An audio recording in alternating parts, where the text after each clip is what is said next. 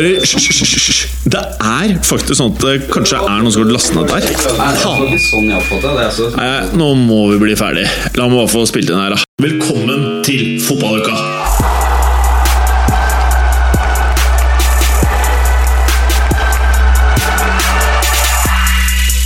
Fotballuka leveres av Green Duck, adblocker for iPhone og iPad. I dagens fotballuke uavgjort helg i Liverpool når Liverpool kjemper til seg et poeng, og Everton for alt sitt potensial gir fra seg nok en ledelse. Satser Manchester United veldig ungt om dagen, eller er det bare det at de har brukt for lite penger? Vanskelig å si. S-E-X-Y Crystal Palace sekser og leker opp ligaen nok en helg.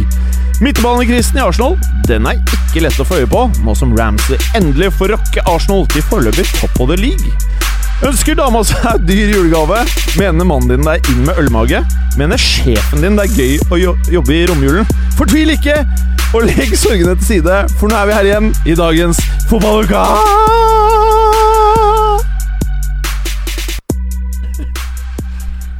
Hei, Morten Gallosen. Hei, Jim Fosheim. Det var hyggelig å se deg igjen i dag. I like måte. Ja, Alltid en glede. Hva sa du? Alltid en glede. Ja, det er det. Ja, åh, jeg er så glad jeg ser det. Du, du har på deg en ganske så spennende T-skjorte i dag. Det står 'feilfødt'. Og da er det jo eh, kanskje ikke sånn at alle vet hva det er for noe i utgangspunktet, men vi vet veldig godt hva det er, Morten. Vi vet veldig godt hva det er. Ja. Skal du eh, gi din versjon først? Eh, min versjon er at jeg gikk på skolen med en del av de gutta som starta et eh, punkband en eller annen gang i tiden, fra Smestad. Eller Smestad-basert. Det står jo faktisk Smestad på T-skjorten til varulven på T-skjorten din, som holder hodet til en samurai-kriger. Ja. Det, Som- det er ikke bare bare. Nei. Smestad er jo ganske Ganske viktig del av imaget til eh, Feilfødt, selv om kun ett av medlemmene er fra Smestad. Mhm, Mm. mhm. Det vil de kanskje ikke få kringkasta, men nå er det ute der. Nå er det ute der. Mm. Jeg er også fra Smestad. Er du med i Feilfødt? Kristoffer. Ikke med i Feilfødt. Da er det Har aldri hørt om det. Nei. Men uh, i hvert fall, da. Du ser nydelig ut. Og bare for å poengtere det, så uh, har jo da varulven hodet til en samurai-kriger i den ene hånden, og så uh, har han da en flaske med noe godt i, eller noe sterkt i, i den andre armen. Og Det det er er jo veldig premium. feilfødt. Drekka mer og de sangene der. Ja, ja. Så for dere som ønsker å høre litt på dette, så ligger det ute på Spotify. Indeed. Og nå kan du takke oss, da, Julius, meg og Gallos, for at vi reklamerer litt på lufta her. Og så er det deg, da, Kristoffer. Hei, hei, Hei, Kristoffer. Eh, og du er tydeligvis ferdig med pappapermen. Ferdig med pappaperm. For nå er det jo bare flotte klær og dyre merker, ser det ut som også, vet du. Veldig dyre merker. Ja, Gant står det. Ja. Det er ikke noe reklame, for å si det sånn. Nei. Nei, og, Og og ellers, da. Vi var jo på julebord i helga, det var vi, vet du. Ja. Spiste eh, masse pinnekjøtt. og det var godt. Det var veldig godt. Ja. Og du har jo vært såpass heldig i helgen at du har prøvd å barbere deg en stripe opp i hodet ditt. Ja, jeg var jo på to julebord. Ja. Et på fredag og et på lørdag. Ja. Og på fredag så eh, kom jeg til skade for å si at jeg skulle til frisøren på mandag. Og da var det noen som kunne hjelpe meg med det, da, på eh, nachspiel. Ja. Eh, så da skulle jeg få den derre Graziano Pelle, den ekstra tykke midt, eh, sideskillsstreken. Ja. Som vi har pratet veldig mye om i fotballuka. Men min strek, det er mer en rund dott oppå huet hvor jeg mangler, mangler hår.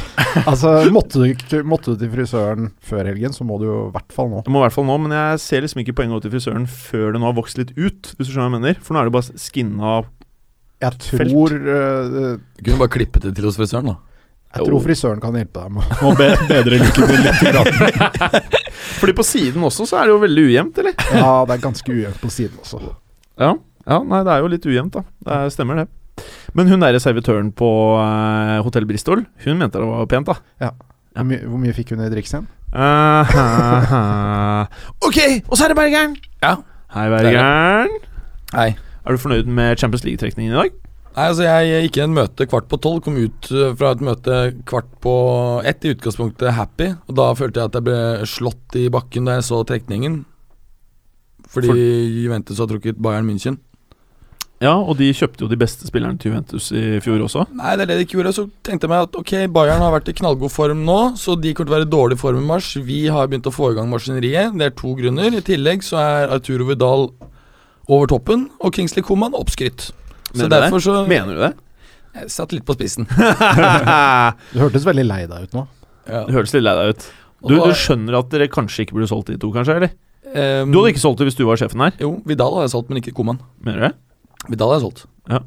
Hmm. Men jeg ja. vil beholdt Pirlo og Så du vil Koeman. ikke vinne Champions League eller serien eller noe sånt? Ja, vi må balansere bøkene.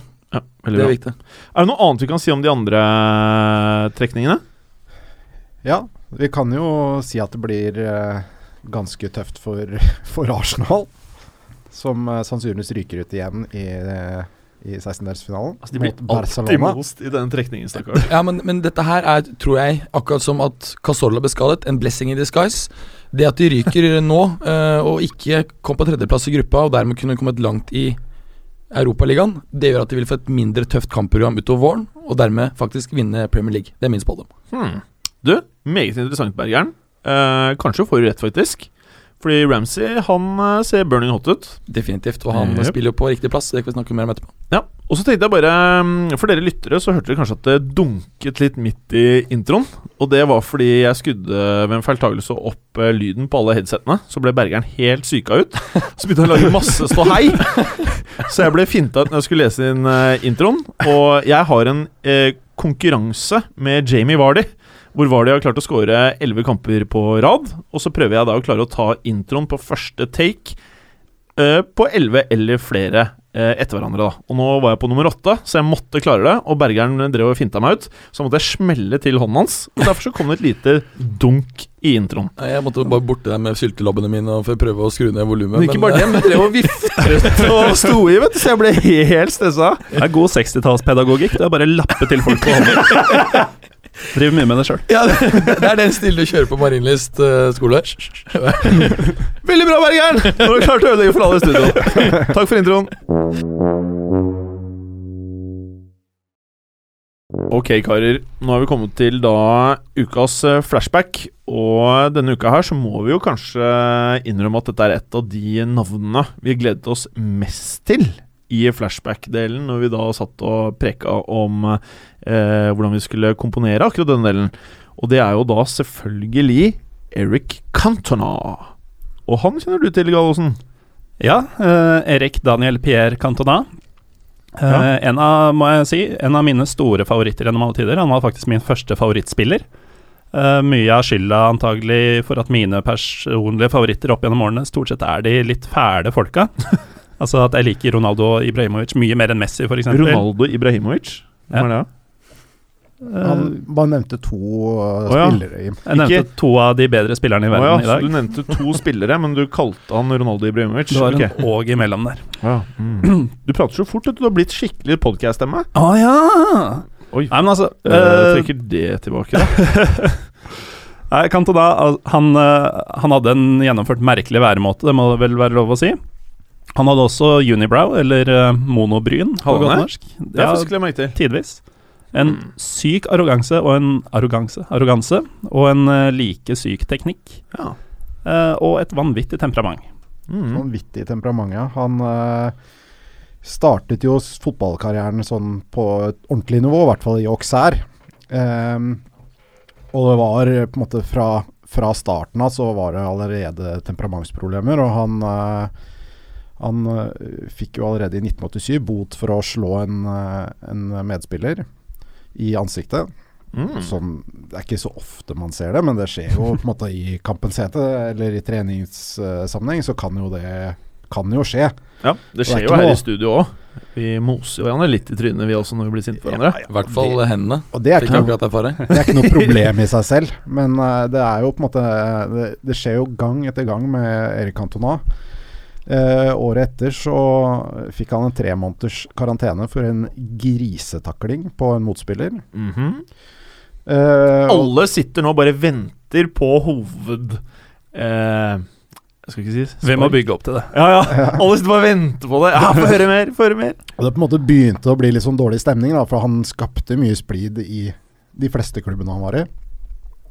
Og i 88 så, så ble han kjøpt opp av Marseille, og under en uh, treningskamp, eller en vennskapskamp, da, som uh, man kalte det før, så mot Torpedo Moskva, Så rev han av seg skjorta og skjelte ut noen supportere og sånn, og han ble, ble byttet ut. Og da reagerte klubben med å suspendere han i en måned. Du, en liten Segway. Torpedo Moskva. Ganske fett kallenavn. Det er kult, ass. Har du vært og sett de, eller, Gallosen? Jeg har ikke det, men jeg kan fortelle litt om de forskjellige torpedolagene fra Øst-Europa. Ja, gidder du, eller? Det var uh, lagene til marinen i de forskjellige landene. Oh. Derav torpedo. Lokomotiv, kan du gjette hva som, uh, hvem som var eierne der? Det var vel ikke det at de var Jernbaneverkets? Kan ha vært, kan ha vært. Mm. Dynamo-lagene var lagene til det hemmelige politiet i diverse land, osv. Åh. Var det det, eller? Mm. Men altså i samme, samme tiden som han var i Marseille, så hadde han jo begynt å spille på landslaget. Han var jo såpass uh, god. Uh, og da valgte han rett og slett å skjelle ut landslagstreneren på TV. Kalle han en bag of shit. og ble da utestengt ett år fra landslaget. Mm. Så han var tidlig ute her i karrieren sin med å, å dra på seg litt sånn uh, utestengelser. Og angående landslagsspill, i 1991, da han spilte for Nim, så eh, hadde han en liten eh, Hvordan da, skrives det? N-I-M? Nimes. Nimes, ja. Eh, Da var det en liten Egentlig en ganske liten forseelse på banen, men han ble veldig uenig med dommeren. Endte med å kaste ballen på dommeren. Oi. Og ble jo da utestengt i en måned av franske fotballforbundet. Da svarte Cantona med å ta seg fram til panelet av disse lærde folkene som hadde kommet fram til straffen, og kalte hver og en av dem, sånn én etter én, for idiot. Og ja, han gikk bort til hver og en av det. Ja, ja. Og han satt da tydeligvis i et rom, da. Antagelig. Ja, altså, sånn- dette, var en, dette var en høring som var i et etterkant av, eh, av episoden, hvor, eh, hvor han da først fikk én en måneds utestengelse. Så kalte han hver og en av komitémedlemmene i høringen for idiot, én etter én. Det er ikke så pent. Da økte de straffen til to måneder og Tre måneder. Tre. tre. Mhm. Mine data sier to, men ok, så sier vi tre. Men eh, interessant så er hvorfor var han så vanvittig Uenighet innad i aggressiv, og hvorfor var han så aggressiv og, og hadde så mye temperament? Det jeg faktisk har uh, funnet ut, er at han vokste opp i Marseille, ganske fattigslige kår, men ikke bare det, han vokste opp i en hule. Hva? Hva mener du? ja Det er stygt å le, da, men hva mener du i en hule? Altså, i fysisk i en hule. Dette er en hule som ble brukt eh, som uh, utsiktspunkt under andre verdenskrig, og som senere far, bestefaren hans var steinhugger. Så du prøver å si at Erik Cantona er en huleboer? Og et spørsmål til. Er han født bak en stein? Ja, han er født da i en stein. I en stein, I en stor stein er han født og har bodd de første årene av livet sitt. det var veldig bra fun fact, Bergeren. Når vi skal oppsummere kalenderåret, så kan det være en av de beste fun factene så langt. Takk. Jeg ble, jeg ble, jeg ble, jeg ble, inn, altså, jeg ble- hver eneste gang. jeg ble så sjokkert da jeg leste det, at jeg måtte dobbeltsjekke det. Og det er altså sant. Og da, men jeg, det ga litt mer logikk da vi fikk vite at eh, bestefaren var steinhugger. Ble han vokst opp med, blant ulver? Det sier ikke historien om. Det var visst veldig flott Det var ikke så fint inni hulen, men det var flott utsikt utover eh, utenfor hulen. Fordi hvis han er oppvokst blant ulver, så kan det han er oppvokst sammen med en annen flashback vi har hatt. Trifon Ivanov, den bulgarske ulven. Eller hva, Gallosen? Pen overgang. ja. Mm. Men en viktig ting å få med her, da, etter at han var, fikk disse måtene disse, Denne utstengelsen for, for å kalle disse menneskene for idioter, var jo det at eh, han faktisk bestemte seg for å legge opp etter det skjedde. Ja, Han ville fra landslagsspill. ja, han ville ikke spille mer fotball. Nei, generelt. Ja. Han skulle bare gi seg? Ja, Ja, han skulle gi seg. ferdig, han, Han, eh, da, han er jo ganske sær type, så da måtte det eh, en del litt større personligheter til for å overtale han til å begynne å spille igjen, blant annet eh, Det er typisk for alle som oppvokser i Platini. De er liksom så egne. Ja. sorry, sorry. Ja, nei, Platini måtte eh, overtale han til å komme tilbake igjen, og også Gerard Houllier var inne i bildet der. Altså. Og de eh, var med på å overtale han til å starte å spille fotball igjen, og da i England. Mm. Kan jeg bare skyte med en liten sak? Eh, akkurat med Gerard Holier. Fordi fra en av de forskjellige eh, Sir Alex Ferguson-bøkene jeg har lest, så sier sir Alex da at han egentlig ikke hadde hørt så mye om Erik Cantona. Men så han har hørt Holier prate om en sånn ung eh, fransk fyr som han mente hadde masse potensial. Og det var sånn de hjulene kom i gang, når Ferguson da eh, tenkte ok, vi prøver oss. Men det skal sies at uh, Ferguson hadde jo prøv først prøvd å få tak i Alan Shearer, Mm. men uh, han valgte å gå til Blackburn. Mm. Og så vet vi jo hvordan det gikk. Ja. det gikk jo ganske bra. Og det, altså, I dag ville jo det vært uh, absurd å ikke gå til United. Men da i 92 eller 91 så, så var det greit. Så han endte opp med å signere Dion Dublin istedenfor. Så det tok jo litt tid før han faktisk fikk inn Cantona. Og, eh, Men hva ville dere hatt, Cantona eller Shearer på den tiden? Sett alt som har skjedd senere i karrieren. eh, Heller Shearer da, fordi han hadde så mange år igjen. Hvis du hadde visst at han skulle legge opp fem år senere, altså Cantona, så ville jeg kanskje valgt Shearer, altså. Men hadde du også visst at eh, han skulle bli katalysatoren for det første gullet på 26 år, og de påfølgende var det fem titler han tok? Uh, Seriegull med United? Eh, Fire ligagull. Det var bare en av det året Fire. hvor han satt på benken eller var utestengt. da Mm. Den historien venter sikkert lytterne på å få senere. Så han Bra, har jo på en Bra. måte vært eh, kanskje, i tillegg til Ferguson, da, kanskje hovedårsaken blant denne såkalte detroniseringa av Liverpool, eh, som Ferguson uh, Det hadde jo han som sitt hovedprosjekt. Og og når du, når du er ja. inne på Liverpool Og nå så- peker Bjarne voldsomt på Sondre i han har jo vært i en klubb før han gikk til United. Han var jo uh, i Leeds også. Eh, og da før han gikk til Leeds, så fikk faktisk Liverpool tilbud om å kjøpe han. Også? Men godeste Graham Sunes takket nei. For han oh, det han gjorde dårlig mye riktig igjen. Ja, han, Han har gjort mye riktig. mye rett. Han, han er virkelig fjern, altså. Kanskje han er en flashback? ja, det burde det faktisk være. Han er også persona non grata i den asiatiske delen av Istanbul. Oi. Grimsones? Ja. Jøss, hvordan har han greid det? Han uh, planta et Galatasaray-flagg i midtsirkelen på stadion til Fenerbahçe etter at uh, de hadde vunnet det. For de er som da kanskje hardt, ikke altså. vet hva det uttrykket non grata-greiene du sa var. Uh, du er erklært uønsket. Ja, ok. Da Ja. nettopp. Jeg trodde det var noe annet. Så godt at du sa det, så ikke jeg hadde videre. Ja, han ble jo da solgt til eh, United for eh, 1,2 millioner pund. Og, Leeds eh, Det er vel bortimot noe av den dårligste dealen Leeds har gjort ever. Leeds, det- Leeds kjøpte han jo for eh, 900 000. Eh, eh, Sir Alex han insisterer jo på at ikke det var 1,2 eller 1,4 som er oppgitt mange andre steder, men at det er 1 million akkurat. Eh, men at Leeds da har hatt eh, sterk interesse av eh, å skru eh, prisen opp i ettertid fordi overfor fansen sine, for de var jo ikke sånn superhappy med at uh, Cantona gikk etter bare åtte måneder. Så råder tvil om den eh, faktiske transfersummen. Jeg leste en artikkel i dag hvor, er, hvor Sir Alex forklarer at det er én million som er riktig, men at mm. det er blitt oppgitt andre steder 1,2 fordi at Leeds-fansen ble forbanna. Skjønner.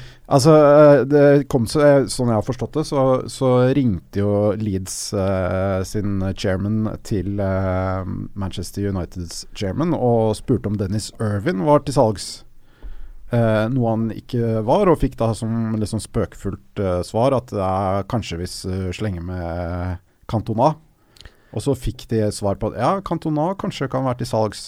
Det som var greia, var at eh, i boken så er det sånn at eh, eh, personen som da tok telefonen, satt i samme rom med Ferguson når Leeds eh, ringte. Og så var det bare Selvfølgelig, Irvin er jo helt no go, liksom. Eh, så bare sier Ferguson Spør om han derre unge franske som Og det var etter han hadde hørt Holier prate om han. Spør om han derre Eric. Og så eh, og Da blir det beskrevet han holdt over røret, og så bare Ja, hva med han derre Eric? Og så eh, sier de da Mener du Cantona? Ja, han. Eh, ja, vent, da skal jeg sjekke. Og så ligger de på røret, og så ringer det opp etter fem minutter, og så får du grønt lys. Ja, og hele eh, overgangen gikk, gikk Hele overgangen var ferdig og den deal løpet av under 24 timer. Vi kan nevne raskt at uh, bakenforliggende årsaken til at Leeds var villig til å selge, var at Cantona nektet å spille for klubben. Han satt på dette tidspunktet i Marseille, hjemme der hvor han er fra. Det er en god Eh, grunn til å selge. Eh, Ja, og grunnen eh, for Han var for det første ikke spesielt på nett med Leeds-treneren, men det nevnes også vært en del rykter om at han har hatt seg med opptil flere av lagkameratenes koner. Å, herlig. Så Oi. det, det var ikke veldig god Sånn stemning. er en med, John Terry på anabole steroider. kan virke litt Eller sånn. på Viagra. uh, ja, tilbake til deg, Bjarne. Eh, Syns du vi avbryter deg mye? Nei, bare alle, alle poengene jeg skulle innom, har jeg tatt. Så, eh, Men eh, kan jeg nevne at eh, det jeg har hørt, uh, er at United var jo på jakt etter en spiss da. Og det at uh, Cantonas navn dukka opp i den samtalen litt sånn tilfeldig, det gir mening. Den de visstnok hadde sett seg ut før dette kom på banen, det var David Hirst. Aha. Tenk så annerledes historien hadde vært om David Hirst hadde blitt uh, den nye spissen i, i United, og ikke Cantona. Mm. Ja, og han var de faktisk villige til å betale mer penger enn det de endte opp med å betale for Cantona. Eric. Ja, Eric, ja. Eric. Mhm. Ja, er det noe mer Og det er masse. Ja. Uh, vi kan jo ta det litt sånn For jeg sånn venter jo på liksom klimakset. Ja, ok. Nei, Altså, første sesongen i La oss si sesongen han spilte i Leeds, så ble de seriemester. Året etter, og året etter det igjen, så spilte han i United. Begge de åra ble United seriemester. Uh, I mars 94, når United er på vei mot the double, så klarer Cantona å bli utvist i to matcher på rad mot Swindon og Arsenal. Eh, den mot Swindon det var en støvel rett i magen på en liggende motspiller. Han tråkker rett og slett skoen ned i solar plexus, eller hva det er for noe. Uflaks. En tidlig PP. En tidlig PP. Uh, fikk fem kampers karantene der. Og så uh, kan vi skru klokka fram til januar 95. Eh, er det noen andre som vil ta den, eller skal jeg bare gønne på? Ta Kjør den. Kjør på.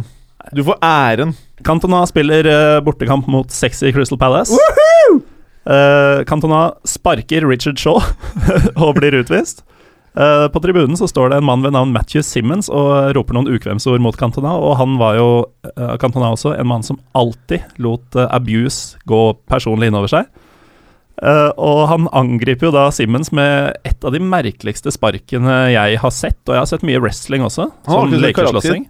Ja, det, han legger liksom ryggen oppå reklameskiltet, og så sparker med hælen med begge beina. Og så fortsetter å gi henne et par slag etterpå. da Jeg husket det litt som bare et flyvende, ekte 80-talls flightkick. Ja, Det har jo alltid blitt omtalt som kung fu-spark, men, ja. men det er jo ikke det. Det er jo en, fly- en flykick, rett og slett. Men Ja. det som er litt, en liten digresjon med han Simmons, det er at han eh, var jo bare 20 år gammel. Han hadde løpt 11 rader ned eh, da han så For å slenge møkk. Ja, for å slenge dritt, og, og sa da rasistiske ting i gåseøynene. Your French fuck, go home, eller et eller annet sånt. Caveman. Eh, eh, Caveman hadde vært veldig treffende. Men litt interessant er at den Simmons Han må ha tatt uh, virkelig skade av den eh, episoden, fordi han ble i 2011 dømt for å ha angrepet fotballtreneren til sønnen sin. Ah, Ja, så, så han, så han uh, har senere tatt til seg Cantonas eh, oppførsel på fotballbanen. Mm. Vet jo, Cantona har jo fått spørsmål om uh, senere tid òg, hva som var hans beste øyeblikk på fotballbanen. Og da svarte han My best moment I have a lot of good moments, but uh, the one I prefer is when I kicked the hooligan. Ja, han sier også at eh, grunnen til at han var så Og dette var i 2011 han sa det. Det- Han har fått god tid til å bearbeide inntrykkene fra hele karrieren, og så er det det han sier. Ja, det var ikke i affekt, det Nei. Altså. så følger han opp da med at eh, grunnen til at han var så fornøyd med det, var at sånne folk trenger ikke å være på stadion, mener han. Eh, jeg tror det er en drøm for noen å sparke disse folkene iblant, så jeg gjorde det for dem. og så har Gary Pallister sagt at um, eh, Cantona var omtrent den eneste spilleren på det tidspunktet som ikke hadde fått hårføneren i garderoben av Ferguson. Ja. Og så hadde Pallister og et par andre gått i garderoben og tenkt at nå er dagen, nå kommer det. Den kom ikke. Kan, uh, Ferguson nevnte det ikke engang, ifølge Gary Pallister, i garderoben etter kampen. Kampen endte forresten 1-1, og um, mest sannsynlig Altså, ble, han ble jo selvfølgelig utestengt, jeg tror det var ni måneder. Ja. Uh, Men også så mener jeg at det kom noe mer etter hvert. Nei, han Eller ble det eh, totalt United? United ga han fire måneder, Ja, sånn altså ut sesongen. Men uh, FA dobla det, da, og Ja. vel så det. Uh, han fikk jo også to uker i fengsel først, men han anka, og det ble omgjort til 120 timers samfunnstjeneste. Mm. Men altså, han var jo Dette var jo den sesongen hvor United ikke vant. Uh, første året de ikke vant med han på laget. Eh, Blackburn med Alan Shearer Ja. eh, ble ligamestere. Og eh, Var det Daglish som ledet til da? det var det. Ja. Det ble jo da ekstra tydelig hvor Og viktig det var nok Cantona ekstra surt også, fordi de er jo ikke best of friends. Ja. Nei, ikke sant. Det var jo ekstra tydelig da hvor viktig Cantona var for laget. For eh, United virka vel å ha noenlunde kontroll på Blackburn, men de mangla liksom den ekstra dimensjonen utover Mm. våren, og tapte i siste runde. Hmm. Og det er jo ikke da uten grunn at han har blitt kåret til århundrets spiller i Manchester United. Nei.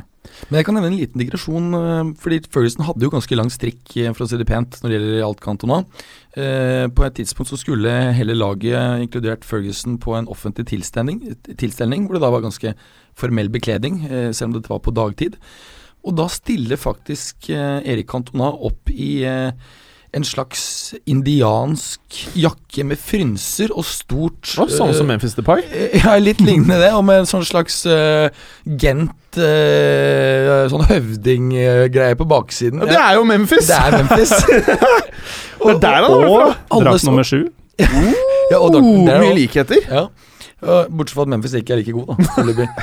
Men um, og, og alle spillerne bare ser, eh, ser på hverandre og ser der på Ferguson. Ferguson prøver å overse det hele. Og Dagen etter så spør han hva, hva var det her du hadde på deg? Nei, Jeg trodde det skulle være helt casual. At det var, riktig. Men eh, jeg tenkte bare kunne nevne et lite utdrag fra første autoriserte biografien til Ferguson. eh, hvor uh, Cantona da visstnok uh, sier til sir Alex Eller han ringer ikke personlig engang. Han får beskjed av en kompis av Erik Cantona at han ønsker å legge opp igjen som fotballspiller. Eh, og jeg tror en del av greiene han måtte gjøre i den der karanteneperioden, var at han måtte ha oppvisningskamper og masse sånne ting som han syntes var eh, nedverdigende. Ja, trene, trene barn, blant Ja. annet, var en av tingene. Ja, Han, så mm. det var masse ting som på en måte bare tærte på han, og sir Alex liksom sa at eh, han følte at det brygget opp til noe, for han ble bare mer og mer ulykkelig, og han ble tidvis litt depressiv, mener han at han ble beskrevet som. Og så får han da den telefonen, og så sier han 'Hvor er, du? Hvor er Cantona?' Så sier han nei, han er eh, på puben min. Eh, eller utestedet mitt, da. Så sier han 'Hvor er det?' Det er i Paris. Ja, ok, så setter sir Alex på, eh, seg på et fly ned til Paris rett etter samtalen. Og så hadde han da avtalt at eh, han skulle bli hentet på flyplassen av denne vennen til Cantona. Og så beskriver han det som noe av det farligste han har gjort når han ble hentet av denne vennen. For han kommer på en bitte liten scooter, og så må sir Alex sitte bak på scooteren! Og så blir de kjørt eh, til klubben eller restauranten eller hva det var. Eh, og så sier han eh, I'm a big Manchester United supporter. Eh, det var min sånn fransk-engelsk aksent. Ehm, og så stenger han hele sjappa. Så kommer eh, Cantona ut fra et eller annet rom. Og Så setter de seg ned, og så omfavner de hverandre. Og ti minutter senere så skal han ikke legge opp, og han er supermotivert. Det er i hvert fall sånn jeg husker storyen. Eller velger å huske den. Mm. Så um, det er greit å få med seg. Han har ikke lagt opp bare én gang. Nei. Og så kan vi jo bare kanskje avslutte med den deilige kragen til Cantona. Og når han bare ser til siden og bare Det er sjelden du kan eh, huske en spiller, i hvert fall jeg, i hvert fall. Kan ikke huske en spiller som har virket så autoritær. Naturlig autoritet på banen. Hvor det bare liksom Og ekstremt selvsikker. Ja, Mm. ja. Han eide hvert rom han uh, kom inn i, beskriver Roy Keane som. Ja. er jo på en måte uh, Men greia hans. En fyr jeg føler hadde fulgt ut i krigen, da. Og så når du ser han liksom, så bare Ja, ok. Og så må vi jo nevne at han eh, var en av gutta som var viktigst for karrieren til Ole Gunnar Solskjær. Han var en av de som sa at eh, jeg ønsker å spille med Ole Gunnar. Og han syntes at det var en perfekt makker for han. Så det er også et uh, viktig aspekt. Ja, De fikk jo et helt vanvittig godt uh, forhold til hverandre. Mm. Og det er jo ganske sjukt etter alt vi har sagt nå, at uh, da Solskjær kom til United, så var Cantona kaptein i klubben. Det er altså Autoritet, ja, men Autoritet. han forsvinner jo ut av matchene like fort som han kom, holdt jeg på å si. Men, men, vi men nå har vi brukt brukt ja, sykt lang tid. Men der er tross alt Erik Cantona. Ja, altså Hvis vi skal avsløre, så burde vi jo da nevne at han, han la, endte jo opp da han la opp endelig. Så var det han fortsatt ung, 30 år gammel.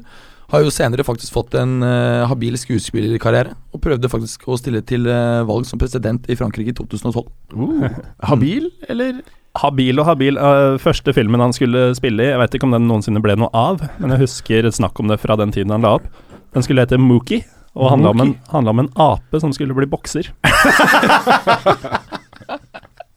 Som bodde i en hule. Det veit jeg ikke. Kan vi avslutte, kanskje? Ja. Noen siste ord? Ingenting? Ferdig? Veldig bra, karer.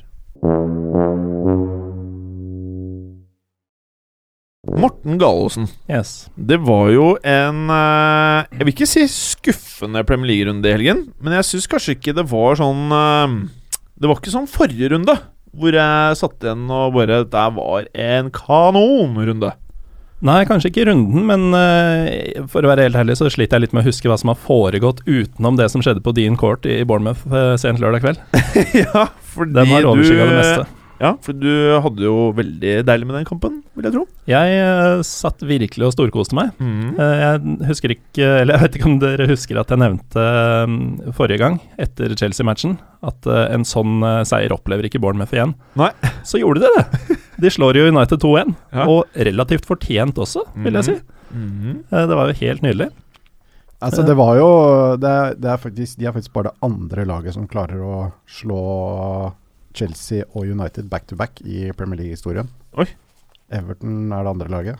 Det er heftig. Det er heftig. Og det var også Uniteds første ligatap siden begynnelsen av oktober. Eh, ikke så lenge, det er bare to måneder, men det kom altså mot Bournemouth. Ja, Samtidig så har jo, har jo ikke United mer enn tre seire nå på de siste tolv. Så det lugger jo lite grann, Jo, kan men man si. Ja, men det, det, det gjør jo det, og veldig mange har sittet med følelsen at nå er liksom alt uh, Enden er nær i, uh, i Manchester United. Men når du sier det at, uh, sier det at det tross alt er et par måneder siden siste, um, siste tap, så sier det også litt om at uh, fansen hater det at de nå uh, ser så elendig fotball. Uh, og det er det som er problemet sammen med Champions League-exiten.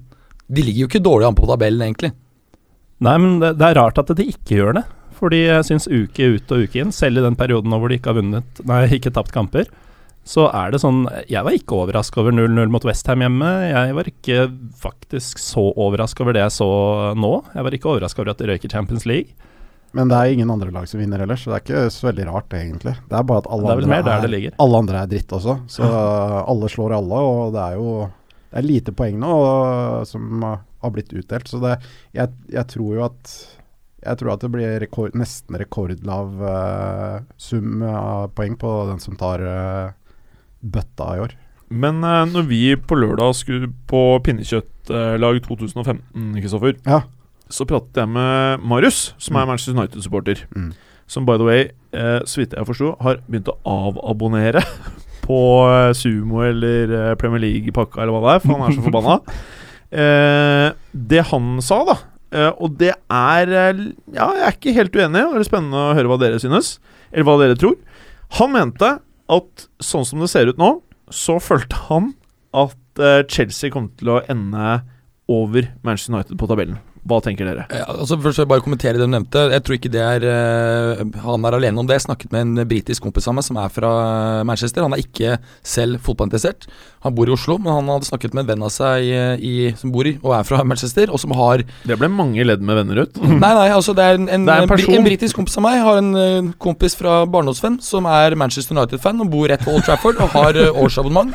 Han prøver nå å selge dette på internett fordi han ikke gidder å gå og se matchene. Ja. Han prøver å selge for 400 pund, og det koster 800 nytt. Ja, så du vet om en person som ikke vil se på Manchester United lenger? Nei, han uh, bor rett ved stadion og gidder ikke engang å gå på kampene for selv om han har år, årskort. Mm. Så Ja. det, er, det er der, altså. Det er der. Men Ja. kan du svare på Tror du Chelsea ender over Manchester United? Nei, overhodet ikke. Kristoffer? Eh, ja. Jeg, jeg veit ikke. Jeg, det som er problemet for United, er jo at de ser verre og verre ut hele tiden. Dessverre. Eh, greit nok, de har mye skader nå, men eh, det har vært opp og ned gjennom hele tiden til van Hall. Og man har hele tida venta på at det skal bli bedre. Det blir ikke bedre, og faktisk, eh, dette må være et nytt uh, lavpunkt, selv om eh, Bournemouth er uh, på oppadgående.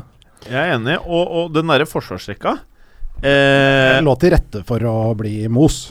Ja, det var eh, mosbar forsvarsrekke. Ja. Og jeg tør ikke å tenke på hvordan det ville vært i den perioden her hvis eh, faksmaskinen i Madrid hadde vært eh, kobla til. Men det, på en måte, det jeg stusser litt på, er jo benken til eh, United, da, hvor du jo har uh, Schneidlein og du har, eh, du har Ashley Young som sitter der. Altså på en måte spillere som har blitt kjøpt inn for ganske store summer, da, som blir erstattet av unge, eh, unge spillere som de aller fleste ikke har hørt om engang.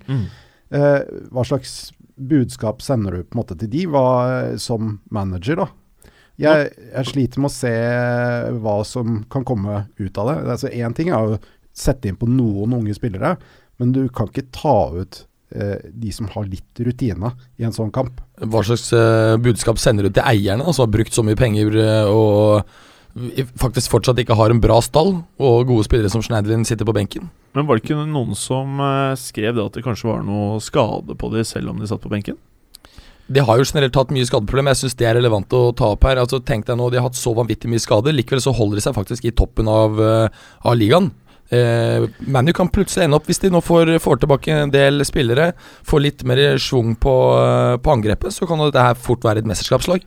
Ja, kanskje. så Kanskje. noen andre lag i toppen eh, begynner å vinne kamper, sånn at de sakker eh, akterut. Mm. Men, men det som er um, Hva skal jeg si, da? eh, kritikkverdig, for å si det mildt, det er det at uh, det er snakk om så ekstremt mye penger. Og vi, Det har vi pratet om tidligere, og jeg vet for dere Manchester United-fans Det er ikke deilig å høre dette her, men man må, det må være mulig å prate om dette her. det er brukt så ekstreme store mengder med cash. Og veldig ofte så føles det ut som eh, det ikke er så veldig godt planlagt. Du vet at uh, nå er man ferdig med Ferguson-æraen. Uh, man må begynne å tenke uh, litt over at man må ha dekning på alle posisjoner. Man må ha gode spillere på alle posisjoner, og ikke nødvendigvis bare eh, hente inn det som er tilgjengelig. Man må jobbe litt systematisk, og av og til så virker det nesten som at noen av spillerne som har kommet inn, er et resultat av enten at det er en eller annen agent som har noe ledig, og som har en eh, god relasjon, eller at eh, det er Ja, hva skulle du si, Bergen? Ja, jeg tror det er akkurat det helt riktig. Og øh, vi, altså eller min klubb Juventus, prøver jo nå aktivt å selge Simone Tsatsa til, til United for en overpris. Ja. I januar, fordi at jeg veit det er tight med tight med spisser. Mm. Men uh, igjen, da. Uh, hvis man ser på den positive siden Jeg tror med en god innkjøpssjef uh, som jobber tett sammen med trenerteamet, så mener jeg at Manchester United selvfølgelig, man trenger egentlig ikke å si det, bærer jo mye historie. Og jeg tror det er ekstremt mange spillere som ønsker å komme til Manchester United. Men de aller, aller beste de tror jeg sitter og tenker at uh, nå har det gått såpass mange år uten at de har klart å få ting på plass. Og de har brukt masse penger. Og da er liksom spørsmålet Skal jeg gå til Manchester United med historien, men de siste årene så har det gått såpass uh, feil vei? Eller skal jeg stikke til en annen klubb som City eller Arsenal, som uh, tilsynelatende uh, får det bedre til, da? Med kjøpene jeg, jeg, jeg, tror ikke det blir så vanskelig for United, og, og de har fortsatt uh, og så bare, for, å si det, da. Ja. Disse stadige ryktene om Neymar, Bale, Ronaldo. Er, er, det liksom veien å gå? Alltid gå sykt høyt ut med disse vanvittige navnene? Eller å prøve å liksom uh, gjøre det litt mer sånn uh, Arsenal-style, hvor du plutselig ender opp med Øzil på siste dagen. Jo, jo, jo, men da må du ha tror jeg, en trener som, uh, som bygger ting sten på sten på en litt annen måte enn en United. Men jeg, jeg tror f.eks. Neymar tror jeg er helt, uh, helt uaktuelt, men de har jo både pengene og historien. Og det er ikke, du skal ikke så veldig mange år tilbake før Real Madrid hadde en litt lignende dipp. Hvor det var veldig lite Det er faktisk helt sant. Ja, Under Calderón-æraen. Helt riktig. Mm. Hvor det ble brukt store summer. Laget var ganske bra, men det fikk ikke ut resultater, og man skifter trenere ofte. Mm. Så snudde det opp. Så fotball går i sykler som alt annet. Det var Arjen Robben-perioden. Men uh, det, forskjellen er jo at uh, Real Madrid kjøpte gode spillere. Ja. Det er faktisk et lite poeng. Og så har United alltid slitt litt eh, selv i glansdagene med å få de navnene de vil ha til klubben, rett og slett fordi Manchester er en eh, dessverre litt usexy by mm. i forhold til London, men også spesielt da i forhold til Paris, Barcelona, Milano Madrid. Madrid. Torino. Eh, men hva med City, da? De drar jo inn spillere, de. Ja, så de har jo litt lettere for det. Ubegrensa med penger hjelper jo, men også det at de har vært jevnt i toppen over flere år. Men jeg føler eh, at jeg, jeg, Helt ærlig, jeg føler egentlig ikke i transfermarkedet at United stiller med noe mindre cash enn eh, City om dagen. Nei, de, de, de, nei, de, gjør ikke det, men jeg tror det som er, eh, er the missing link, her, det er en trener som er produktiv, ikke kontraproduktiv. Husk på at uh, hvis man hadde samlet opp her Altså, de solgte jo Angel Di Maria her. Han er jo en virkelig, virkelig klassespiller. Og hadde de hatt, hadde de hatt Angelotti, så skal jeg love deg at det bildet her hadde vært forskjellig, altså. Mm. Nå var Angel veldig lei seg i Manchester, da. Ja, for ble, det var dette ranet hjemme, og de ble kjemperedde, han og kona. Og likte ja, men han var veldig lei seg. Alt men, var gærent. Vi må se liksom. på alle de andre spillerne som ikke fungerer. De har brukt nesten med dagens uh, pundkurs 4 milliarder kroner omtrent. På tre år? Ja, på tre år. Det, er, det er helt sinnssyke uh, summer. Og det er klart at um, da skal du kunne greie å bygge opp et relativt bra lag. Jeg tror de har et bra lag, men de må ha en annen trener. Altså, uh, Van Hall er uh, yesterday's man, og han ødelegger også mentaliteten til spillere. Mm. Når du er inne på Di Maria, da, så Chicharito har vi også nevnt tidligere. og De to ja. til sammen nå har vel noe sånt som 2-23 mål og 10 assist eller noe sånt nå. Kunne kanskje vært spillere som kunne fått et år til. Mm. Og ikke minst er det spillertyper som United helt tydelig mm. mangler i angrepene. Mm. Men vi må snakke litt om Bournemouth òg, må vi ikke det? Ja. Fantastisk. Naive uh, Bournemouth, som uh, Gallosen var innom uh, sist uke, som ikke spiller for poengene, men eh, for å spille sin type fotball, som de gjorde i championship. Uh, alt annet enn naive nå i helgen. Og spiller de jo for å få poengene, samtidig som de spiller ålreit fotball. Og er faktisk mye bedre enn United. Og der United ofte har vært gode de senere årene, er på en måte på tampen av kampene og hatt energi til å snu det. Og, var litt sånn det var mot Westham òg. De var klart best de siste 20 minuttene, men de siste 20 minuttene mot uh, Bournemouth nå, så var det jo De hadde ingenting å gi. Og det har nok litt med å gjøre at det var så mye unge spillere på banen nå som ikke helt uh, har tatt nivået ennå. Uh, så må vi ta med den fantastiske uh, corneren som går rett i kassa. Sykt. Det er jo rimelig typisk for et lag i motgang, da, som United er, å få Ja. den inn. Det kunne kanskje De Hea tatt på en uh, god Jeg, dag, jeg tenker at jeg hadde tatt den. Ja, faktisk det at Martial sto Ja. uh, på stolpen der uh, stolpen. Mm. han, han var rett og slett i veien.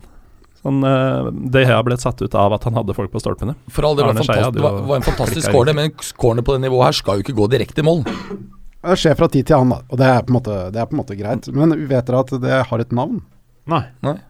Uh, å score rett fra corner? Kan du det, eller? Jeg kan det. Hva er det? Det kalles for Olympic goal. Oh, det var et kult navn. Mm. Olympic goal. Hvorfor heter det det? Du, det er eh, fordi at uh, Altså, før 1924 var det faktisk ikke lov til å score direkte fra corner. Ja. Men da i 1924, da dette ble lov, så skåret Argentina på corner mot, mot Uruguay. Og Uruguay var olympiske mestere. Ah. Ja. Kult. Nå lærte du faktisk hele fotballstudio eh, noe veldig kult, da. Men fra nå av kan det vel bare kalles en Stanislas. Ja. Skal vi ta med at Joshua King av alle ble matchvinner? Ja, det kan hende. Det er jo ganske vilt. Ja. Eh, han har jo fått mye Da ble Marius ekstra sint. Eh, for han skulle prøve å ikke få med seg resultatet, for han skulle se det i opptak. Så sa jeg det er en nordmann som har goal mot United. Og da mista han det helt. Han skulle aldri se en jævla kamp igjen. vet han. Det er da ikke tekniker Marius vi snakker Nei, nei, nei, nei, en annen Marius. Nei, men eh, Han har jo fått mye kritikk uh, i hele høst, og um, han sa jo selv også at de har prøvd på den varianten på trening uh, mye. Dette var første gang han traff. Uh, litt usikker på hvorfor de fortsatte å bruke han hvis han har bomma hver gang på trening, men han har sett ganske bra ut i det siste, altså, etter vrakinga i, til landslaget. Mm. Putta to mål nå på fire siste, Mm. så gikk han ut med skade. Så er det kanskje back to square one. Nå har da Bournemouth tre skåringer fra dødball. Uh, det tror jeg på de to siste kampene, mot ingen i de tidligere kampene i sesongen. Så det er litt sånn marginer eh, her. Jeg, jeg sier ikke at dette her eh, kommer til å skje. Du prater om Carlo Ancelotti, og det er mye mer den type navn som Manchester United ser etter. Men jeg leste noen syke, syke rykter eh, om treneren til Bournemouth over til eh, United til sommeren. Altså for helt ærlig, Jeg tror alt er bedre enn van Hall, for jeg tror han faktisk er kontraproduktiv. Det er bedre å la spillerne finne ut av ting sjøl enn å ha han karen der. Så enkelt er det. Ja. Klar for Twitter Wars med lytterne. Nei, Jeg tror de er helt enig. Jeg tror alle Manchester United-fans ser at han er bare en katastrofe for, uh, for klubben. All right. Nå må vi videre. Gallosen, Norwich, Everton. Ja, uh, Norwich-Everton. Vi trodde Everton skulle få en ganske grei eh, match der. Får bare 1-1. eh, etter å ha leda til pause. Vi sa før matchen at Norwich måtte, måtte passe seg for innlegg, og da spesielt kombinasjonen Delofeu-Lukaku. Lukaku. Uh, 0-1 kom eh, nettopp slik, og det var eh, sjette på rappen i Premier League for Lukaku. Tar vi med cup, så har han skåra sju på rad, og han er den første Everton-spilleren som gjør det siden Bob Latchford i Oh. 1975. Så jeg leder med to, jeg, på Lukaku. Altså Eh, i Ja, førstegangens takes. Men du har to kamper i uka. Ja, det har jeg. det er sant. Men eh, Lukaku er nå oppe i 36 Premier League-mål for Everton siden han debuterte for dem i september 2013. Og det er kun Aguero med 49 som har skåra flere i samme periode. Så vi må begynne å snakke ordentlig om Lukaku som en topp Premier League-spiss. Mm. Og det er jækla bittert at jeg ikke har Lukaku på fanslaget mitt. Veldig, veldig bittert. Jeg har eh, Kane, Igalo og Vardy. Uh, så det er Igalo, selv om de har knalltøff rekke med kamper nå, så er han så burning hot at han klarer ikke å selge. Så blir enten Kane eller var de? Fordi Tottenham virker ikke helt hot, men det skal vi tilbake til senere. Ja. Jeg kan jo nevne da at Lukaku brente et par feite sjanser utover i kampen også. Jepp. Um, 1-1-målet kom etter flipperspill i boksen, og det er magikeren West Hulahan som uh, etter mye om og men dytter den over streken forbi hånda til uh, Ross Barkley, som prøvde febrilsk å sprelle ballen ut. Aldri hørt magiker og hulahan i sammensetning setning før. jeg har sagt det tidligere. har du det, eller? Men eh, Norwich så jo faktisk eh, bare bedre og bedre ut utover kampen. Og hadde der eh, de er vel en toppspiss unna å kunne vinne litt flere kamper. Jeg Mm. spørs om ikke de bør eh, se seg om etter en spiller som kan skåre litt mål i januar. Det burde for så vidt stått en 0-3 til pause, men når de ikke gjorde det, og de får den uh, utligninga tidlig i andre eh, Det satte fyr på Norwich, som skapte flere gode sjanser, og Cameron Jerome spesielt uh, fikk nok ikke sove godt den natta. Han satte en himmelhøyt over fra Han er vaksinert. Han er vaksinert. Uh, sjette uavgjort på åtte siste mellom disse. Og det Ja. ja. Og uh, hva kan vi si om Everton? Jeg syns at de er dødskule å se på uh, denne sesongen her. Men de sliter med å grinde tre poeng, altså. Ja. Uh, Men, men de, har, også- de greier å skape såpass mye sjanser at uh, jeg, jeg tror det er bare at det rett og slett litt uflaks. Ja. og at uh, plutselig så sitter de skuddene til Lukaku hver gang, og du slipper de stolpeskuddene og ja, Rett og slett, det er marginer.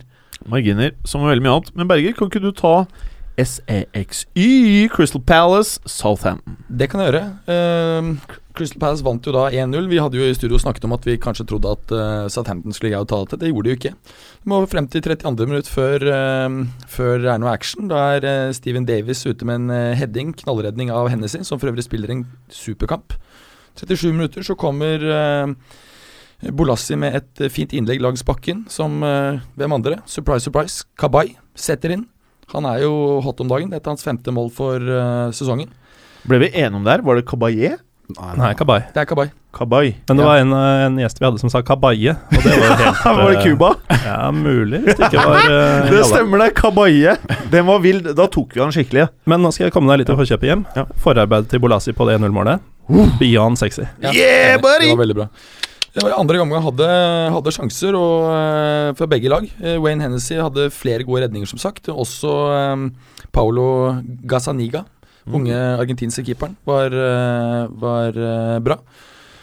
Um, uh, Southampton smalt inn på Dusan Tadic og Graziano Pelle, som for øvrig ikke var bra nok eller i form nok til å spille fra start. Det hjalp ikke. Det fikk ikke noe hull på Palace-bilen, og Palace tar sin første ligaseier over Southampton sin 91. Southampton har ikke vunnet på eh, fem matcher nå. Eh, for øvrig så er Palace eh, ute nå og sier Lepardo sier at de sikter mot en topp seks-plassering. At de skal ut og handle spiss i januar. Og Oh. den de linkes med, og som jeg tror er faktisk er, en, er en både et bra valg og en realistisk spiller å, å hente, det er er eh, 22 år gammel spiss i Marseille som heter Maik- Maika Batsuhai. Skåret alle ti mål på Prøv igjen. Prøv igjen. Hva? Maika? Mi, Mi, Michi. Nei, jeg tror det er Maika. Nei. Sikker? Ja. For i forrige gang så ble jeg nemlig kritisert for at jeg sa Ja, men det her er jo Mitcha til eh, om eh, det. Mickey det skrives ikke på samme måte. Det skrives ikke på samme Ja, måte. det er, liten, det, er, liten, det er en liten Y Ja. på slutten, da. Ja. Men uh, nå skal man jo si at uh, det var ingen som trodde at en klubb som Palace Og jeg prater ikke ned Palace, jeg, alle folk. Det er litt av poenget mitt. Er at Men, men, men, men, men, men ja, poenget mitt var bare at ingen trodde at Kabay skulle dra dit. nettopp Sa jeg det riktig? Eller var det Kabaye? Ja, Nei, Kabay. Kabay? Og det er Kabay. derfor jeg tror at de kan greie å få han her. Det er tross alt uh, en link der i forhold til landslag osv. som Ja. kan gjøre Og Men bare vit at Jo. alle er keen på han spissen. da Ja, altså, du har et par det- andre lag i London som er ute etter han òg, som Ja. jeg tror står litt før i rekken. men det handler om spilletid, og det er EM til sommeren. Og det er faktisk en viktig, et viktig element nå Det et eh, element. før Nå- eh, Euro 2016. Jeg liker veldig godt. Vi må videre. Eh, Kristoffer, Manchester City Swansea. Ja, første kampen pre-Monk. Det ble Post-Monk. Nei, Post. post. Post-Monk. Post. Mm. Du hadde tenkt litt sånn Nå skal jeg bruke et fett ord, pre-monk, og så Funka ikke så bra, da. det. ikke. Det er så dritig ut, ass. Det ble, det ble ja. egentlig ganske, ganske jevnt spilt, eh, utrolig nok. Eller, men jeg syns faktisk eh, Swansea var det beste laget. Mm. Og de kunne jo fort ha fått med seg alle tre poengene, hadde de vært litt mer eh, Litt mer kliniske.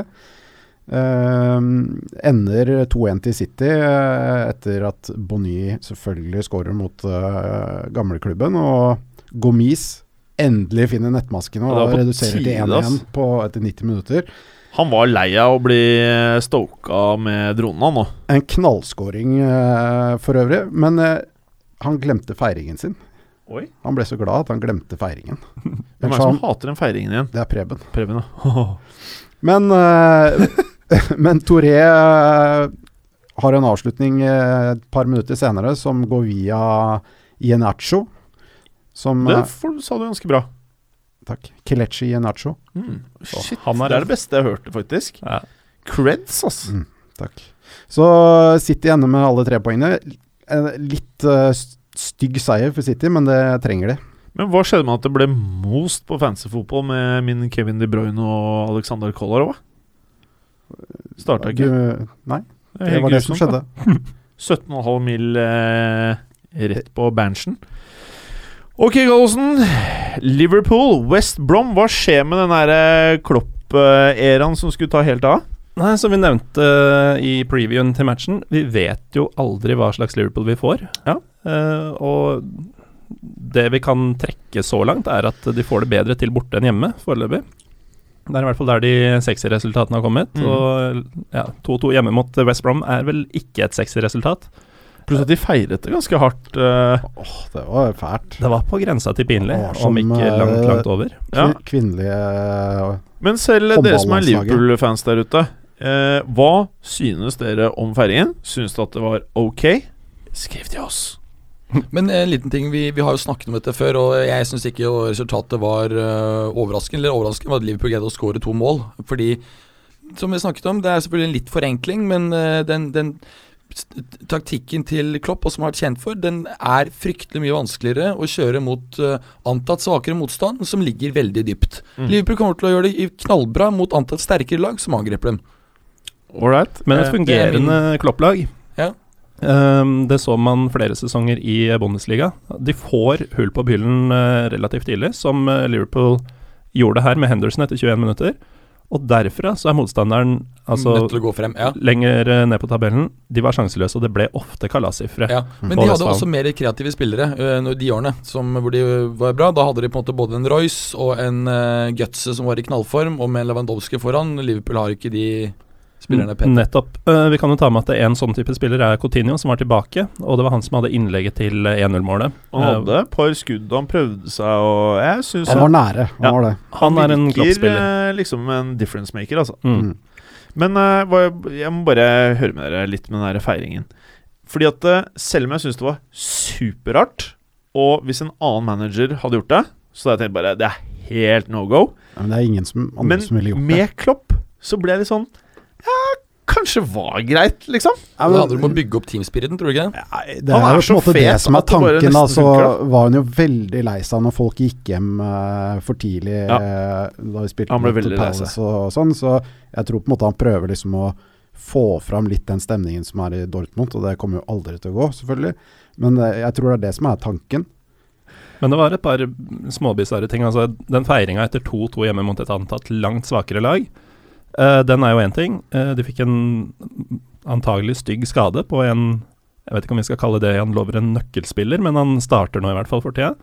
Og så var det jo også det at han nekta å ta Tony Pulis i hånda etter matchen. Oi. Så ja. Han ble nærmest tvunget til å håndhilse på assistenten til Pulis eh, etter litt om og men. Og så hadde vi da denne feiringa. Så Klopp eh, vet ikke helt hva han dreiv med på lørdag, men det var, det var mye rart. Er Men mye, det er mye er følelser. fet for det. Ja, han er fett, og nå har jo Liverpool faktisk kansellert det tradisjonsrike julebordet, men Klopp har da svart med å invitere hele laget hjem på lunsj. det er fett, da!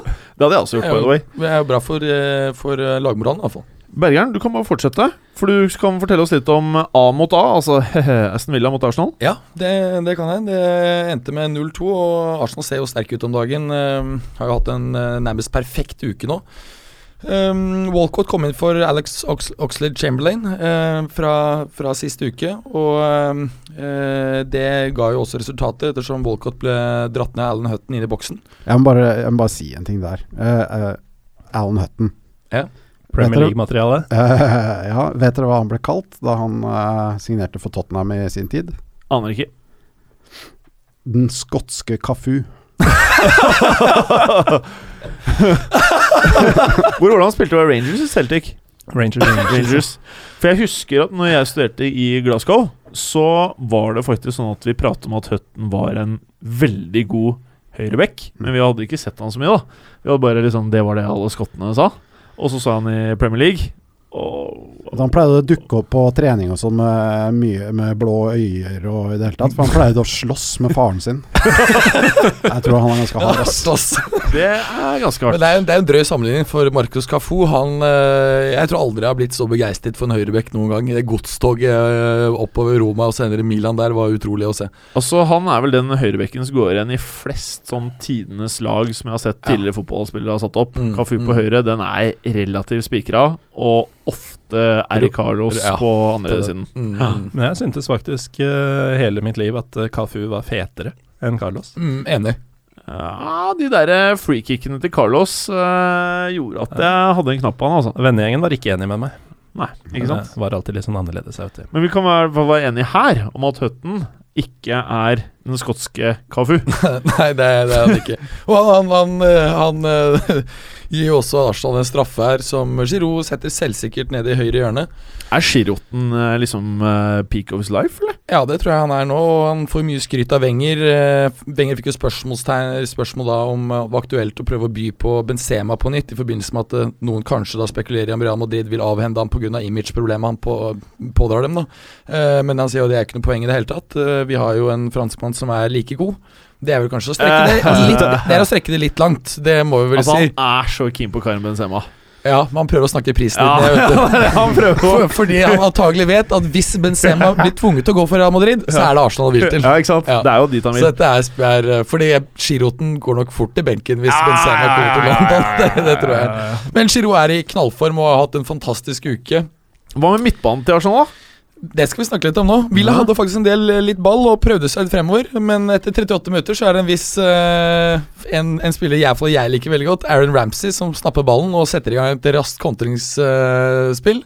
som eh, hvor, eh, hvor en annen vi har snakket mye om, uh, Mesut Özil, forærer da en fin eh, assist som uh, Ramsey setter inn. Uh, Özil er oppe i 13 assist for eh, sesongen, og Øzil har ikke lyst til å score selv, han. Nei, Du ser han bare leter etter folk han kan vinne til, så han kan få flere assist. men han har jo begynt å score litt også, for, eh, som, som du Ja, har ja, nevnt. Når han er i knallform, så Ja, scorer han litt også. Da kommer det. Da kommer det, og eh, det er, eh, det er eh, Ramsey som scorer, og eh, han ser jo bare fantastisk bra ut fra midtbanen. Jeg, jeg blir så forbanna når, når spillere tvinges inn i, i roller som ikke de er eh, bra spille Det samme som når Real Madrid driver og så setter James Rodriguez på dypt midtbane. Han er jo en nummer ti som skal ligge mellom angrepet, mellom midtbanen og forsvaret til motstanderlaget. Han skal mose frem. Ja, og og akkurat som Ramsey er fantastisk bra. Litt sånn som Arturo Vidal. Han kan takle, sette i gang angrep, kommer på løp fra dypet og skårer. Fantastisk bra spiller. Andre omgang er ikke så mye å snakke om, men uh, Villa setter to nye klubbrekorder, eller øker en tidligere rekord. De har nå ni hjemmekamper på rad uten seier, det er en ny rekord. Så øker de den gamle rekorden som de tok forrige uke, med 15 kamper i Premier League uten seier i det hele tatt. Men uh, hvis du nå er Wenger, Ja. Casorla og eh, Coquelin kommer tilbake, hva Mm. gjør du da? Ja, Coquelin får selvfølgelig spille ved siden av Ramsey. Ja. Casolla kan enten uh, Jeg mener at Casolla er heller bedre å bruke på siden enn å bruke Ramsey der. Mer Ja. alternativ så benker jeg lett Casolla. Ja. Hmm. Jeg ville faktisk vurdert å Det verste at Ja, Ja. Altså, han er Jeg jo tror ikke eh, Arsenal kan selge noen, fordi det er så Nei, mye det, var det, skader der. Jeg, jeg, jeg bet det akkurat i meg i det. Ramsey, Arsenal kan aldri selge spillere! De må bare fortsette å kjøpe. får strekk om to uker, så Det er det fete med Arsenal. De kan, de kan fortsatt akkumulere spillere, men de sliter likevel ikke med at spillere er forbanna for å sitte på benken. Fordi, fordi skadeproblemene er så ekstremt store og konsistente. Jeg har faktisk en teori om at uh, Wilshere og Ramsey er samme person. Aldri noen som har sett dem spille sammen. mange tenker det samme som deg! Ja, men det er sånn, Du har aldri problemer med det Arsenal at spillere er mye på benken, for de får, er de friske, så spiller de jevnt masse hele tiden. For det er så mye skadeproblemer. Men vi kan også nevne raskt at Giroten han eh, tok sin eh, med dette, den straffen, den 50. Premier League-skåringen for Arsenal. Der er det bare syv spillere som eh, Eller han er den syvende spilleren som oppnår den milepælen i Arsenal. Veldig bra. Har jeg din tillatelse til å gå videre? Ja, nå kan vi gå videre. Veldig bra. Kristoffer, Spurs Newcastle. Hva skjer med Spurs nå? eh, Ja, hva skjer med Spurs? Det er ikke godt å si, altså. De ehm, gikk ut på banen og virket som om de hadde på en måte Det virket som de trodde at de hadde full kontroll på den eh, kampen der. Og etter de fikk eh, første skåringen eh, på en corner, eh, heading mm, fra Eric Dyer, så var det litt eh, foten av gassen, og de var så litt selvtilfredse ut, egentlig. Og akkurat på samme måte som eh, i fjor i tilsvarende kamp, så leda de 1-0 til pause, og så var det foten av gassen, og slapp eh, Newcastle ganske unødvendig inn i kampen igjen. Og etter at uh, Mitrovic eh, putta her, så så det jo bare ut som det var et tidsspørsmål før de skulle legge på en til, og den kom jo på overtid av Ayose Perez på samme mann som avgjorde til 2-1 også i samme møte i fjor.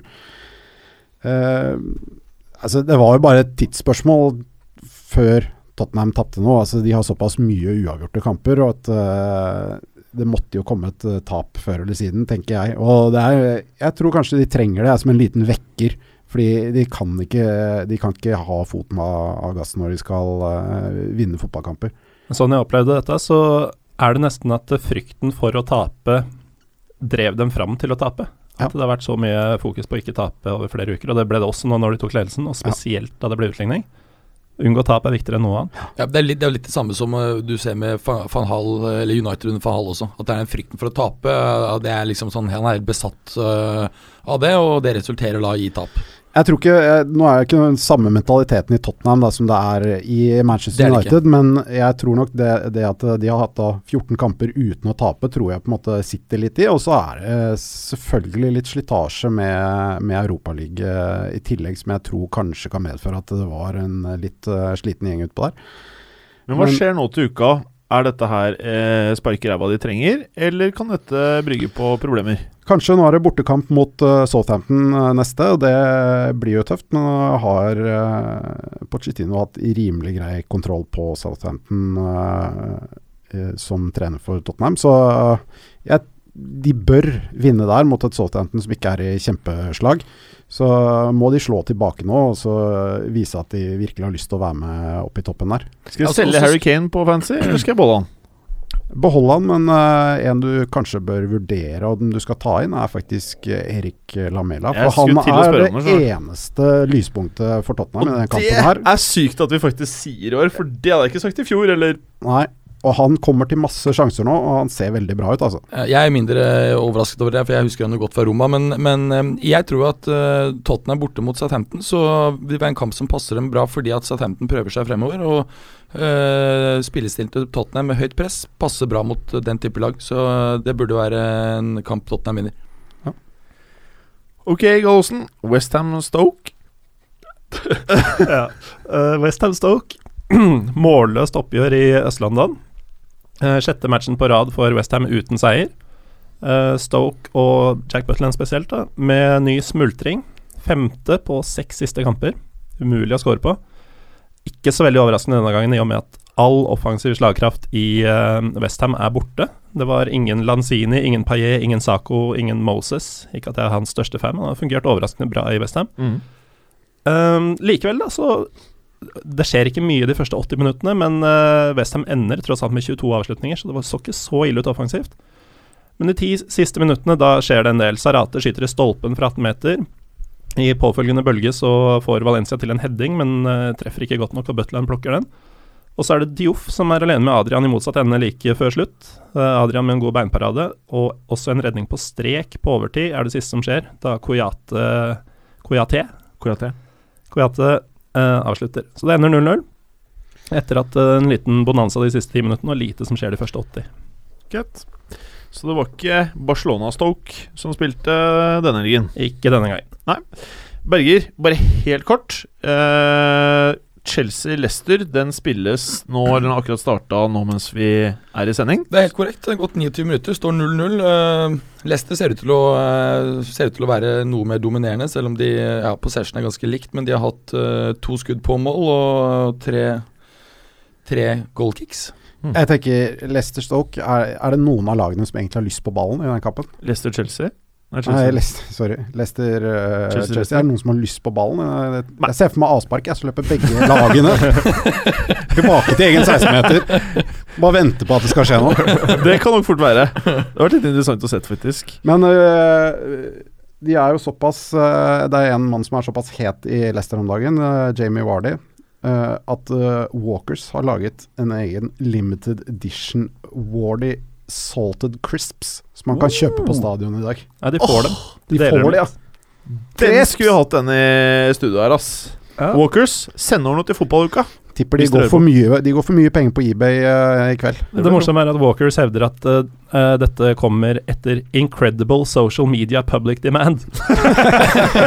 altså internett, For- har Vardy flomma over ja. av krav om å lage Jamie Wardy potetgull. Jeg tror dem ikke. Nei, det tror ikke jeg det på. Men det er veldig kult. Mm. Eh, Men det må, at, at det er går eh, rundt, er ikke det fordi at potetgull generell crisp, som de kaller det, er ikke det mye større konseptuelt i Storbritannia enn i Norge? Jo, jo, jeg husker på universitetet eh, mitt Så satt folk og spiste crisps på, på Ja, altså i lunsjen. Ja, Det er en del av matpakka i Storbritannia. Og det er også den eh, størrelsen på posen som eh, Vardy Crispsen kommer i, i hvert fall på stadionet. Altså De liker den liten, Mm. og så noen ganger så tok de crisps in my BLT. Så tok de da crispsene inni en sånn her eh, trekantsandwich, og så spiser de Så cruncher de, da. Nei, så tasty! Sikkert med, lyst, sikkert, sikkert med veldig lyst brød, ikke sant? Ja, veldig lyst. Ja. Sånn, sånn lyst loff til Ja. loff å være lys. Sånn er det hvis, hvis, du bare, hvis du bare sikrer litt på det, så bare gjennomvått. Uh. Ok, Kristoffer. Ja. Da runder vi av med toppkampen Sunderland-Watford. ja. Sunderland nå har til gode å vinne en kamp på Stadium Light de siste fire årene etter at de har ligget under 1-0. Det, Det er snudd. De så, de så faktisk utrolig nok ut til å savne Jonas Kabul i midtforsvaret. Det er ganske heavy, Det er altså. utrolig. Utrolig. U Det er utrolig. Nei, det Er det du eller Preben som mener at når han er skada, så er det en blessing i the skies? som er favorittuttrykket til Bergeren? Høres ut som Berger ville ment. Ja, Er det deg, Bergeren? Nei, var ikke Ja. det. Jeg tror ikke, Var det deg? Men jeg eh, sa det jo ikke denne gangen eh, om Ramsey, selv om Nei, jeg jo Du sa det ikke. Eller om Du må Cazorla. fortsette å si det. Det kan bli Jeg din tror greie. alle vet det, Berger. Ja, ja. Alle vet det, Berger. Nei, det var eh, Kampen ble avgjort etter fire minutter av selvfølgelig eh, Igalo som eh, skårer. Eh, hans 20 26. mål i 2015. Mm. Det er jo ganske sterkt, selv om Det er noen hot. av disse målene har vært i championship. Mm. 34 matcher, 26 mål. Det er vilt. Det er vilt. Eh, bortsett fra det, så Jeg ser Eden Hazard exits game. Injury. Hmm. Ja. Sånn Trist. Det er kanskje ikke så interessant å høre nå, for dere vet jo resultatet. Dere hører dette her. Ja, og da kan det jo hende at ikke den uh, byttehandelen med han uh, til Hazard- Ronaldo ja, Hazard til Real, James til Chelsea. Ja, mm. Men hvis du hadde vært uh, Mourinho, Ja. ville du heller hatt James enn Hazard? uansett hvilken, hvilken trener jeg hadde vært, så hadde jeg valgt uh, James Rodriguez ti av ti dager. Ti av ti dager? Ti av ti ganger. Ja. Ti av ti dager. Bra. Hva med deg, Kristoffer? Jeg tror kanskje jeg ville hatt verdens beste spiller. Og det er Hazard? verdens beste spiller? Ah, ja, ifølge Mourinho. ja, han sa jo det. Mourinho prøvde å mose Real og Barca. Han har rett, har han ikke det? Ah, Jeg vet ikke helt. Ennå ikke skåret i år. Eh, hva med deg, Gallosen? Eh, Jeg ville eh, hatt eh, Hames. Hames. Ja, så da er vi enige. Da blir det Hames. Jo. Sunderland, eh, tilbake til de. De eh, var ikke så uh, veldig gode, dessverre, for, for Sunderlands del. uh, og de velger nok en gang å starte med Defoe på benken, av en eller annen utrolig grunn. De, han kom inn i andre omgang. Var de da- ikke gode, eller var de ræva? Nei, de var brukbare, men de skapte ikke så veldig mye. Og det lille de skapte, det stoppa Aurelio Gomez. Han hadde bl.a. en nydelig redning fra nevnte Defoe på tampen av kampen. Så- er det Sunderland back to old sins, eller? Nei, de ser jo Altså, de slipper jo bare inn ett mål, altså. Det er jo positivt for dem, men eh, de sliter jo med å score, og de trenger jo også sårt en spiss, fordi Jeg prøvde å piske opp stemningen. Jeg ville at du skulle si noe morsomt. Fabio Borini annet eh, er jo like dårlig som det vi sa på starten av sesongen. Ja. Heldigvis for oss. Altså, de har jakta Fabio Borini. Ja. Altså, de har jakta I han flere liksom. år. Ja, vi har Fabio Borini. Han skårer ikke. Han skårer ikke. Og så bruker de ikke Defoe, som er den eneste som kan skåre. Ja. Så de må ut og handle litt eh, og kjøpe en dårlig spiss i januar. Og så kanskje de Weekend? kan overleve. overleve. Altså, de kjøper Weekend, Men- og så kjøper Sexy Palace noe supersexy. Kreditt Kredit til uh, Watford. De ser veldig bra ut nå, og det jeg liker spesielt godt med det, er at de faktisk kjører med to spisser på Mm. bortebane. Det Det, er er ikke så mange så som gjør det lenger. Det er, Det er sånn tradisjonelt tradisjonelt engelsk fotballag. Altså, kan vi inngå en deal her, karer. Hvis vi fire noen ganger tar Eller hvis fotballuka tar over et fotballag noen gang, så Ja. kjører vi uansett to spisser. Vi kan prøve å ta over det laget som jeg eide i uh, Myrtle Beach, South Carolina. Ja, Myrtle Beach? Mutiny. Nei, nei, nei, det eksisterer. Det er bare at vi ga det over til breddeidrettsklubben. Så de eksisterer og spiller matcher, de. Jeg Snilt tror jeg vil bo et annet sted. Ja, det er faktisk et høl. Det er virkelig et høl. Det er, det et, det, det er et av de verste stedene jeg har vært i hele verden. Ja ja. Da er vi snart ferdige, da, eller? Ja. Ok. Takk skal dere ha, karer. Og nå til ukas frekkas. Og da tror jeg vi starter med deg, Berger. For du har noe nokså snacksy på lager, har jeg skjønt? Eh, Ja, i hvert fall eh, Og du prøver å prate deg selv ned? Begravelsesstemning når han skal showe litt. Du vet du har dårlig frekkas når du starter med en unnskyldning! jeg hadde liksom ikke prøvd- å skru opp forventningene. Men jeg har, det, er en, det er en liten morsom sak her om eh, PP.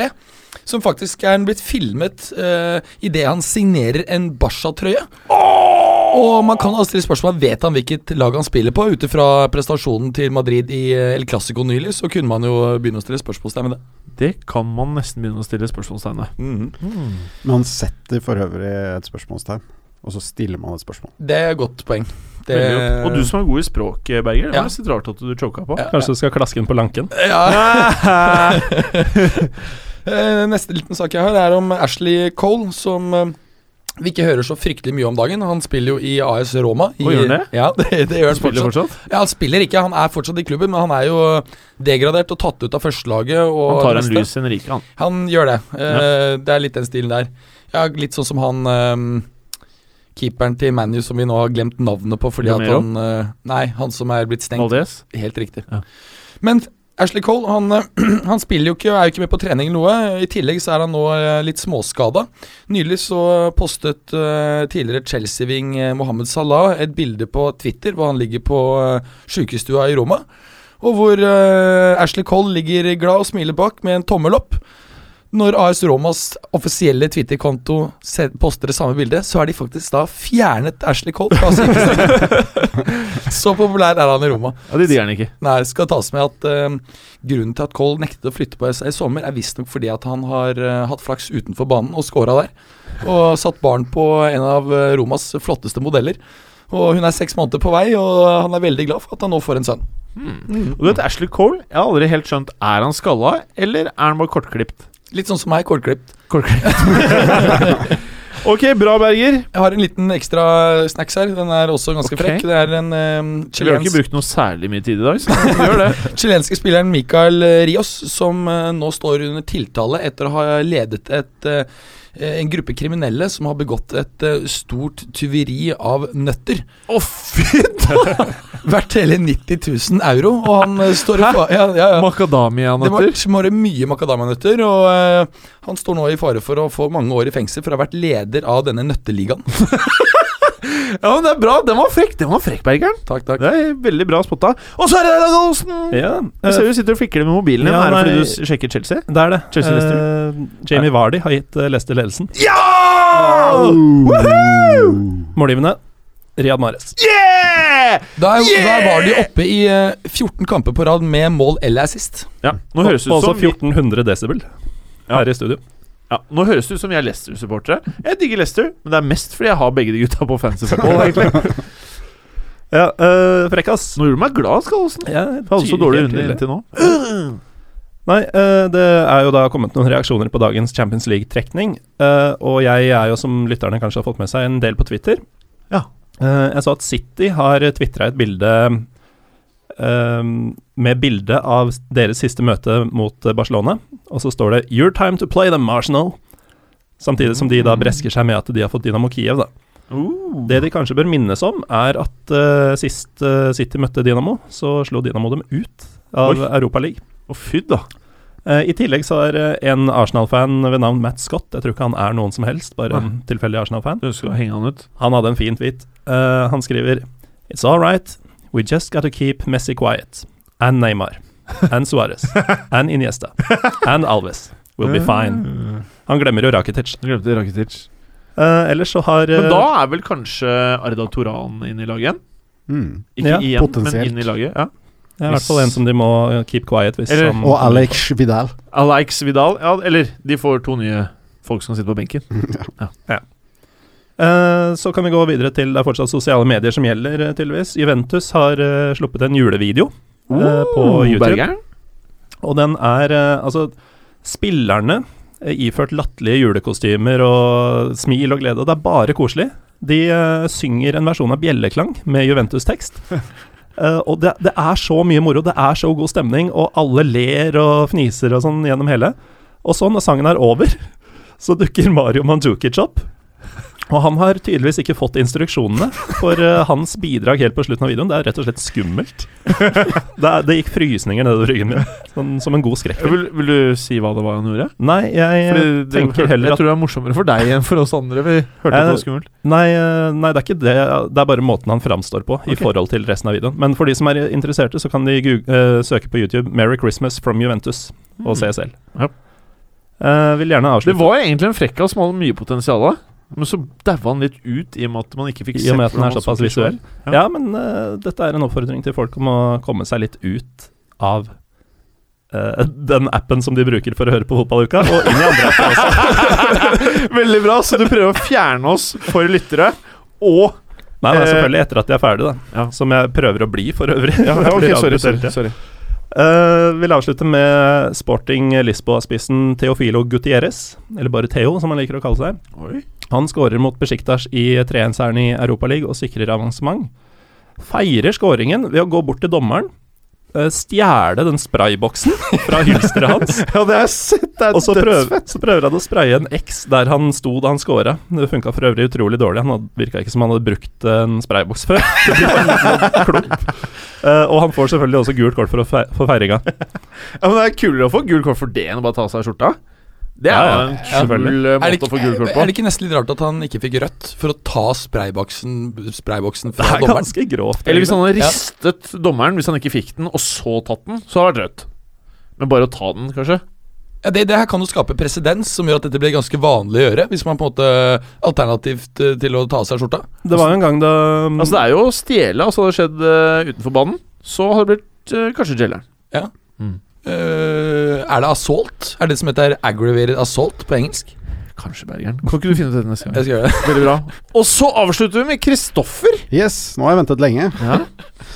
Eh, var en liten tur i Roma sist uke med fansen som var litt misfornøyd. Eh, Denne uken så er det Lazio-fansen som eh, ser gulrotspøken fra Roma-fansen og høyner med en sekk med kumøkk til sitt eget lag. Eller flere sekker med kumøkk, faktisk, som de la utenfor treningsfeltet. Og følger opp med et banner med teksten 'Dere vil at vi skal drukne i dritt'. Det er kanskje unødvendig å si, men det er, de er ganske misfornøyd i den italienske hovedstaden eh, for tiden. Og så til eh, David Luiz, som mener han har funnet en kur mot skallethet. Sier man skallethet? Ja. Ja. Jeg har prøvd å kalle det skallahet her. Skallahet. Det er jo veldig interessant. Den frekkasen her er veldig interessant for deg. Ja, dette er, altså, dette er veldig aktuelt for eh, fotballuka. Den er, vel, litt, den er vel mer aktuell for deg nå enn den var forrige uke, Jim. Ja, på grunn av den skinna Men flekken. ikke, ikke vri dette her over til Jim. Bra, takk skal du ha, Kristoffer. Han er såpass redd for å miste Sideshow-Bob-håret sitt Ja. eh, at han har desperat prøvd å finne en kur. Og faren hans er nemlig skallet, så han er ekstra redd for at det skal skje med han òg. Ja. Og da har truffet en doktor i Brasil som tar noen celler fra hoften og plasserer det inn i huet, sånn at man skal få igjen hårveksten. Og ifølge David Luiz hvis vi tar celler fra hoften til Bergeren og inn i huet til Galåsen og motsatt, kommer det ganske kult hår, altså. da får Galåsen lyse krøller, og du får mørkt, langt sånn rockehår. Altså, jeg, jeg tror jeg ville forholdt meg skinna da. Men dette Ja, er ifølge David du altså noe alle kommer til å gjøre eh, i løpet av ti år. Ja. Uh, så jeg foreslår at vi rett og slett, uh, når sesongen er over, så sender vi en delega delegasjon til uh, Diadema, som er rett utenfor Sao Paulo, og så finner vi ut om dette her funker. Vi har jo et utvalg her hos oss som kan bekrefte det. Ja. Vi kan ta fra hofta til Bergeren, hofta til Gallosen, inn i huet til Preben. Så han får, så han får noen lyse krøller og sånn langt hår innimellom. Ja. Er vi ferdige, eller? Ja. Er vi ferdige, eller? Vi har brukt så lang tid. Ja. Takk, Berger. Takk skal du ha. Takk, Kristoffer. Takk. Takk, Gallosen. Mange takk. Felix. Ha det. Ha det! Takk for at du gadd å høre på. Vi er Fotballuka på Twitter, Facebook og Instagram. Følg oss gjerne. Men bare få høre. Den tror jeg blir litt fet.